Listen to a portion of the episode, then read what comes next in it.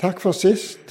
Kjekt å få komme igjen til dere og se deres blide åsyn midt i en vinterferie.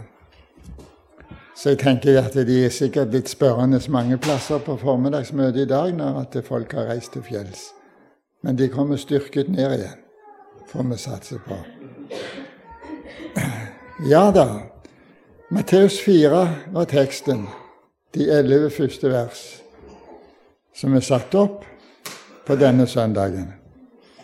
Det er jo sånn eh, etter kirkeårets tekster jeg syns det er fint å arbeide ut ifra det. Da får du en bredde i, eh, i forkynnelsen, i kjennskapet til Guds ord. Og så får du en, eh, på en måte en oversikt året igjennom de forskjellige fasene både i vårt kristenliv og Guds livet, og Gud sjøl sin virksomhet med oss. Kalle på oss og styrke oss til å komme videre og sånn. Så jeg syns det er flott å tvinge det emissæren òg litt, så han ikke blir lat og bare bruker gjenparten fra en lykkeligvis tidligere sammentreff. Men å komme gjennom Guds råd, det er det en god hjelp til. Enten en skal preike eller en skal tie. da. Da vil vi takke deg, Herre Jesus. Du har hørt vår rop til deg, og vi er av hjertet lykkelige. For du har gitt oss alle ting med deg. Så kom, Hellige Ånd, i Jesu navn. Amen. Det er på en måte kampen i, mellom Guds rike og denne verden som ligger under i teksten. Og så skal vi ta det sånn som jeg har fått det denne gangen. Uh, det er mange ting en kan si i en tekst en ikke får sagt på en gang. Sånn er det. Det er det trøstefulle eller det håpefulle med Guds ord, at det er stadig nye ting som stiger inn til oss. Men vi leser da ble Jesus av Ånden ført ut i ødemarken for å fristes av djevelen. Og da han hadde fastet i 40 dager og 40 netter, ble han til sist sulten. Og fristeren kom til ham og sa, Er du Guds sønn, så si at disse steinene skal bli til brød. Men han svarte og sa, Det står skrevet, mennesket lever ikke av brød alene, men av hvert ord som går ut av Guds munn. Da tok djevelen ham med seg til den hellige by og stilte ham på tempelets øverste hjørne. Og han sier til ham, Er du Guds sønn, så kast deg ned, for det står skrevet, Han skal gi sine engler befaling om deg, og de skal bære deg på hendene, for at du ikke skal støte din fot mot noen stein. Jesus sa da til ham, Det står også skrevet, du skal ikke friste Herren din Gud.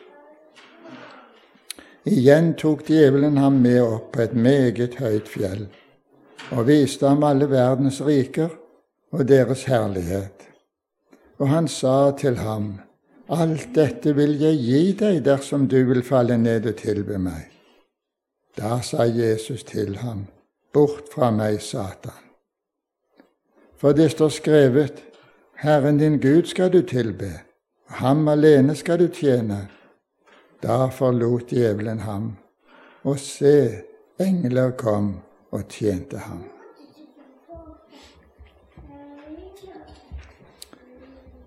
Ja, det står om denne verden at de vandrer efter høvdingen over luftens makter. Det kan være oppbyggelig iblant oss å tenke over hva der bor i det lille luftens eh, makter, den ånd som er virksom i vantroens barn. Uten at vi skal åndeliggjøre alle mulige ting. Det skal vi passe oss for. For det at vi er alminnelige mennesker, kjødelige og sånt, det er vi. Men det er en åndelig dimensjon som preger også ufrelste verdenen. Og den skal vi være våken for. Og Jeg kommer til å komme litt inn på det framover i teksten sånn. Men vi tar med oss bare til, til å begynne med at Jesus ble av Ånden ledet ut i ørkenen. Eh, den kan du ta med oss og tenke på. Hva skjer når Han som sjøl er herre og skaper, ikke sant? Han, han er jo Den hellige ånd, for det er Far og Sønn og Hellig ånd i det. Samtidig så er det Faderen og Sønnen og Ånden hver for seg, men alltid sammen. Og Den hellige ånd har alltid som oppgave å føre ordet til våre hjerter. Det er Den hellige ånds gjerning. Vi vil ikke kunne forstå eller ta til oss av Guds ord uten Den hellige ånd. Og Her ser vi at Jesus ble ført ut i ørkenen for å fristes. Så det var ikke noe sånn tilfeldighetsgreier som kom. Og så var det vonde makter som til og med prøvde å rive Jesus over ende. Det er ikke sånn det henger sammen. Men prøvelse, for han var prøvd i alt i likhet med oss, står det til og med. Og det må jo være bagateller å regne for, det som du og jeg er i den sammenheng. Men Jesus skulle altså i praksis vite det som blir sagt om ham som uh, blir prøvd av den hellige, av uh, djevelen, rett og slett. Prøvd av djevelen. Og Da har jeg lyst til å si litt omkring de tingene der. Vi skal lese og lese sammen ord fra Bibelen som vi skal prøve oss å legge ut og finne til grunn. Men etter syndefallet så vitner Skriften om Satan og den makt han har. Så Satans nærvær er var ifra begynnelsen. Den var ifra begynnelsen. Det er ikke noe som vi plutselig kom til i ettertid, men den var der ifra begynnelsen. Den ånd som er virksom i vantroens barn. Sånn er det. Og i Efeserbrevet 6,12 så hører vi ikke kamp, så hører vi at det er ikke kamp imot kjøtt og blod. Det er ikke menneskekrefter som står mot annen her. Ikke kamp mot kjøtt og blod, men mot maktene og myndighetene. Mot verdens herskere i dette mørket. Det er en beskrivelse av de åndelige omgivelser som er grunnstyringa i alt dette her. Ondskapens ånde her i himmelrommet. Voldsomme uttrykk. Dette tror jeg Jesus ville svært gjerne at vi skulle være klar over. Bare se når du kommer til kapittel 6 i Efeserbrevet. Ta derfor på Guds fulle rustning. Så det var anbefalingen og veiledningen fra apostelen. Han visste veldig godt hva han skriver om og snakker om. Mot verdens herskere i dette mørket, mot ondskapens ånde her i himmelrommet. Det er ikke der eller der, men det er der kontinuerlig. Ondskapens ånde her, tenkte jeg det. Ja, Djevelen har herja med Guds folk gjennom alle tider.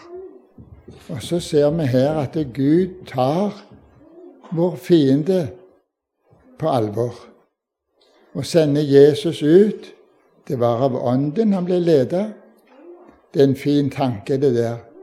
At vi skal få regne med ledelse av Guds ånd. Ikke bare at det er Jesus sånn som nå, for det ville han at vi skulle vite det. Herren har gått igjennom disse prøvelsene og vet veldig om hva han gir løfte om når han taler Guds ord til oss. Men han går omkring som en brølende løve. Og nå er vi også oss som er inne i bildet. Som en brølende løve forsøker han å oppsluke. Så står vi altså i en åndskamp som vi ikke slipper under. Men vi skal ikke tappe motet. Teksten vår i dag sier noe om vår stedfortreder og den kampen som han gikk inn i i vårt sted. Så skal vi søke Herren. Så skal vi få høre Hans ord. Og da kan vi trygt si det, han er Ordet. Det sier jo Johannes evangeliet veldig tydelig. Så du jeg skal tenke sånn når vi åpner vår bibel, så åpner vi inn til Jesus. Det er en herlig tanke. Og der kommer Åndens ledelse oss i hu, og Gud vil gi oss det. Og Derfor sier han også det at det, det, vi skal be derfor. Ja, vi skal be for konger og for alle som er i høye stillinger, så vi kan leve et stille rolig liv i Guds frykt. Sånn tenker Skriften om det. Et rolig, stille liv i Guds frykt. Nå står det det at Jesus før dette skjer, så hadde han vært hos døperen ved Jordan og blitt døpt.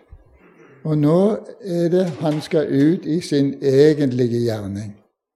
Det som er, blir summert opp som frelsesgjerningen og slik. Han kommer og skal ta på seg all den rustning som, som trenges. Det viser Jesus. Han hadde jo makt til å knipse Satan vekk på en blunk. Men han er realist. Han er her, han er der for sitt folk. Han seiret for deg og meg. Han trengte ikke en seier på den måten som vi trengte det. Men her fullfører han dette som vi skal få høre ut igjennom. Nå kommer det alltid sånn hos en ærlig kristen et ønske og en bønn om å få være ledet av Gud. Og Jeg tror vi skal ta med den dimensjonen når vi snakker om Jesus og hans fristelse.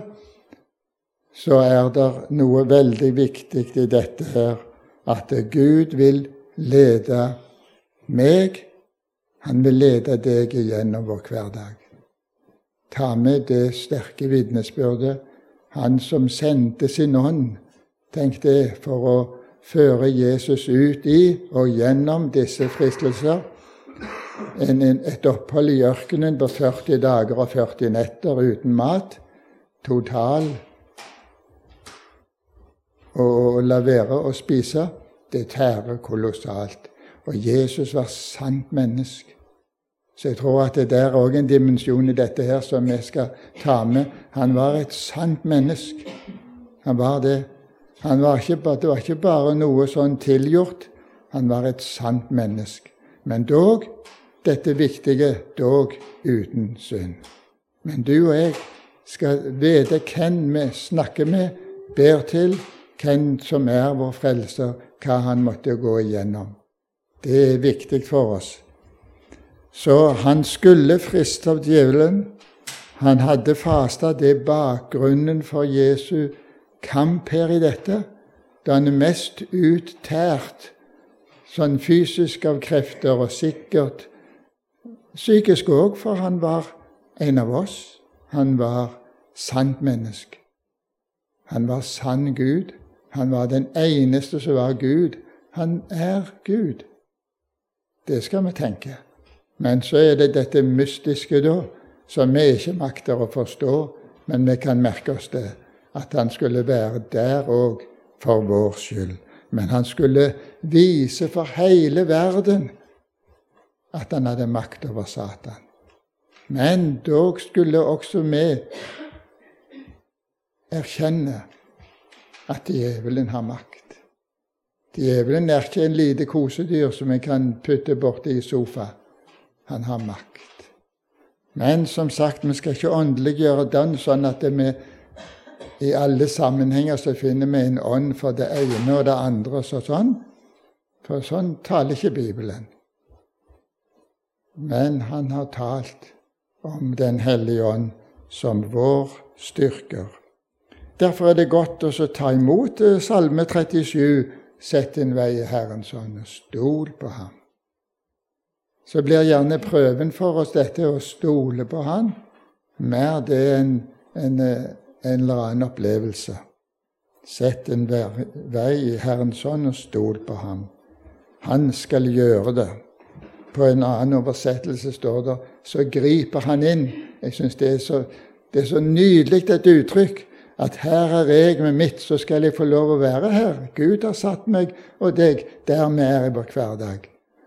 Og så kommer dagens og de daglige ting imot og møter med oss. Og så kommer også våre vanskelige perioder. Så har du dette fine ordet, så griper han inn. Jeg syns jeg er så nydelig. Jeg får være der hvor Gud griper inn i livet mitt. Der skal du og jeg få være. Nå er det sånn at når Gud kaller, og Gud vil føre oss og lede oss, så kan det hende at vi kjenner de periodene mer som eh, problematiske istedenfor å si 'nå leder Gud'. Det er slett ikke alt jeg opplever som jeg kan si det 'nå leder Gud'. For jeg har en syndig natur som er der, og som trenger forsoneren, frelseren, Guds lam som bærer bort all verdens synd. Det er det store og herlige. Derfor blir det også mye bønn hos en hjelpeløs kristen. Det gjør det. Og da sier Jesus om det i Matteus 5.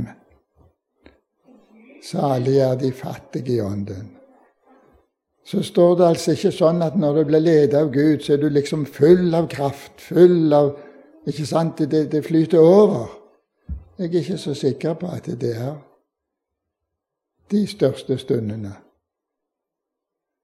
Plutselig opplevde profeten det ble en stille suse. Ikke var Gud i stormen og ikke i sprengning av fjellet, men den stille susen som kom etterpå. Kanskje det er der tingene sier mest. Oppmerksomheten er på Herren, ikke på oss sjøl, og ikke hva vi får til, og alt det der. Men Herren har sine veier. Jesus ble av Ånden ført ut i ødemarken for å fristes av djevelen. Åndens ledelse, la, la den få lov til å henge der og være der. Så må vi gjerne tenke litt over det sånn for Gud vet hva han gjør med oss. Men det kan hende at han fører oss ut i mørke stunder, vanskelige tider. Jeg tenker litt på de, de, de bedrifter og fabrikker som lager stål. Og så er det forskjellige kvaliteter. Så har stålet på forhånd vært igjennom en ildprøve for å bli både smelte ut alt slagg og dårlige greier, og så tilføres ting som gjør at det finner en annen herdeprosess og blir et meget godt produkt. Så kommer Herren til deg og meg, og så skal han herde stålet. Han skal myke opp stålet. Hva fase du vil, så vil alle de fasene ha sin påvirkning, både følelsesmessig, men òg i tankelivet troslivet vårt vil det merkes at det der er noe som foregår. Men du kan gjerne ikke si navnet på det. Noen som har gått syke lenge. Hvorfor skal jeg alltid ha dette her? Sånn kan det gi seg uttrykk for oss. Så er det Gud som prøver. Gud som skal edle stålet, gjøre det sterkt og seigt og Ikke sant? Herren har sine gjerninger med oss. Så i denne prosessen så kan nok en kristen kjenne seg forlatt av Gud. Hvor er Gud henne i alle disse ting? Da skal vi si til oss sjøl Han har vært i prøven sjøl. Han vet så inderlig vel hva du og jeg måtte lide, måtte ha som store spørsmål i livet. Bare tenk på jobb og Jobbs bok når han møter Tenk at djevelen sto der foran jobb ved siden av Herrens engler og skal og klandre jobb. Det er ikke, det er ikke, det er ikke problem å være snill gutt når du omgir han med bare nåde og, og gode greier. Prøv han litt. Grann. Sånn kom jobb fram forbi. Og da tenker jeg Jobb har ikke del i dette, annet enn at han blir en del av det. Men det var ikke Jobbs det var ikke Jobbs problemer som førte han dit. Det hadde han ikke i den sammenheng. Men det var djevelens samtale med Herren, tenkte jeg. Djevelens samtale med Herren. Og da er det sterkt, det som står her, og vi har at mennesket lever ikke av brød alene, men av hvert ord som går ut av hans munn. Så er det altså en helt annen grunn bakom tingene som skjer. Det er ikke lett å bli tilfreds med situasjonen, men det er litt lys ifra sammenhengen vi har med Gud å gjøre. Vi har med Gud å gjøre. Så kan Herren føre oss gjennom fristelser. Det viser han oss litt her. Dette avsnittet er ikke en sånn en godt glass med mikstur, så når jeg heller inn det, så skjer det noe. Det er ikke sånn at vi får en injeksjon av virksom kraft og sånt. Jeg tror dere, når vi snakker om ledelse og veiledning og sånt, så har vi mye å gjøre med å bli hjelpeløs. Fattig i ånden. Dette å mangle alt som en kan få hos Gud. Dit er det Herren vil ha oss. Så sparer han oss gjerne for en voldsom prøve som denne her var. Men vi skal huske på, som vi ble minnet om fint til å begynne med også her, du skal ikke friste Herren din Gud, og det står skrevet hele veien. Nå er ikke det sånn at når jeg sitter med fristelser, hva det er for noe, så springer jeg til et ord i Bibelen, og da er alt det der vekke. Det er ikke noen automatikk på det. Men seieren i dette, for våre del, i vårt daglige liv, så er det også en mulighet for seier. Og den er det Herren som kommer. Vi seirer i og med å gå til Jesus. Unnskyld. Jeg får en sånn en blackout.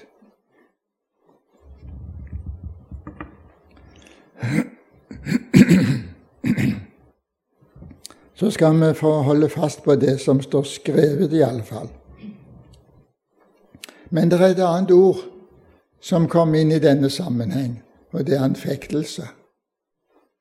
Som gjerne er eh, et ikke så mye brukt uttrykk og navn på ting som skjer, men eh, det er en realitet. Anfektelsen har det sånn at den tror evangeliet. Den tror at Gud har gjort alt, og at dette Gud har gjort, det er for alle, bare ikke for meg. Anfektelsessituasjonen er sånn at vi, vi greier ikke å finne ut av det, annet enn at det er jeg som er skyld. Gud må bli kvitt meg, skal han bli kvitt sånne mennesker som meg. Anfektelse. Angrep. Anfektum på tysk. Og det er da sånn at eh, det er ikke håp for meg. De andre de leser sin bibel, og Bibelen gjelder jo de. Men det gjelder ikke meg. Den eneste løsningen på det, det er å gå til evangeliet. Det står skrevet. Igjen vil jeg si det står skrevet.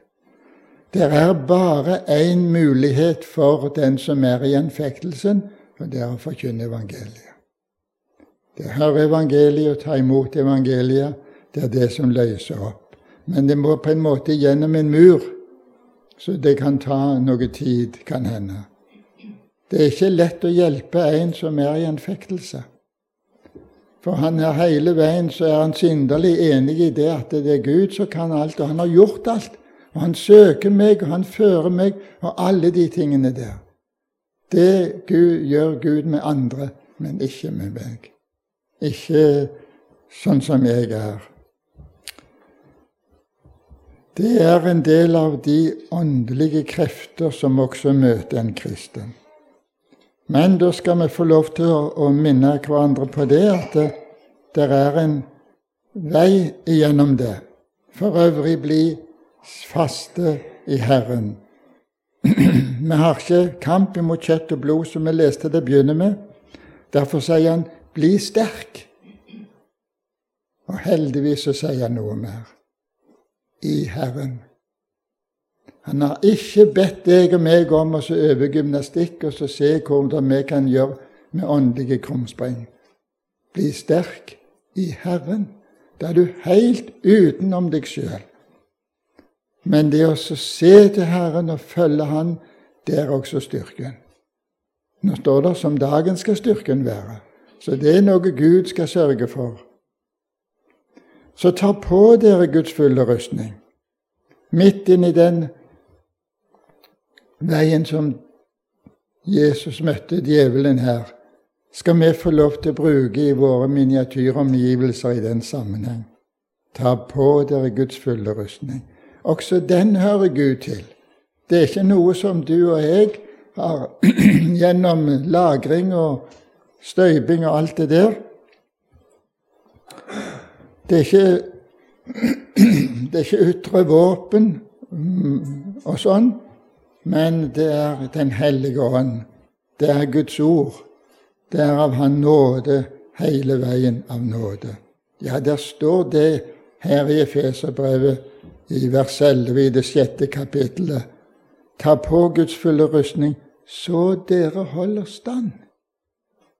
Det er en mulighet for å bli stående gjennom prøvelsene, så dere kan holde stand mot djevelens listige angrep. Og så kommer dette, for vi har ikke kampen mot kjøtt og blod.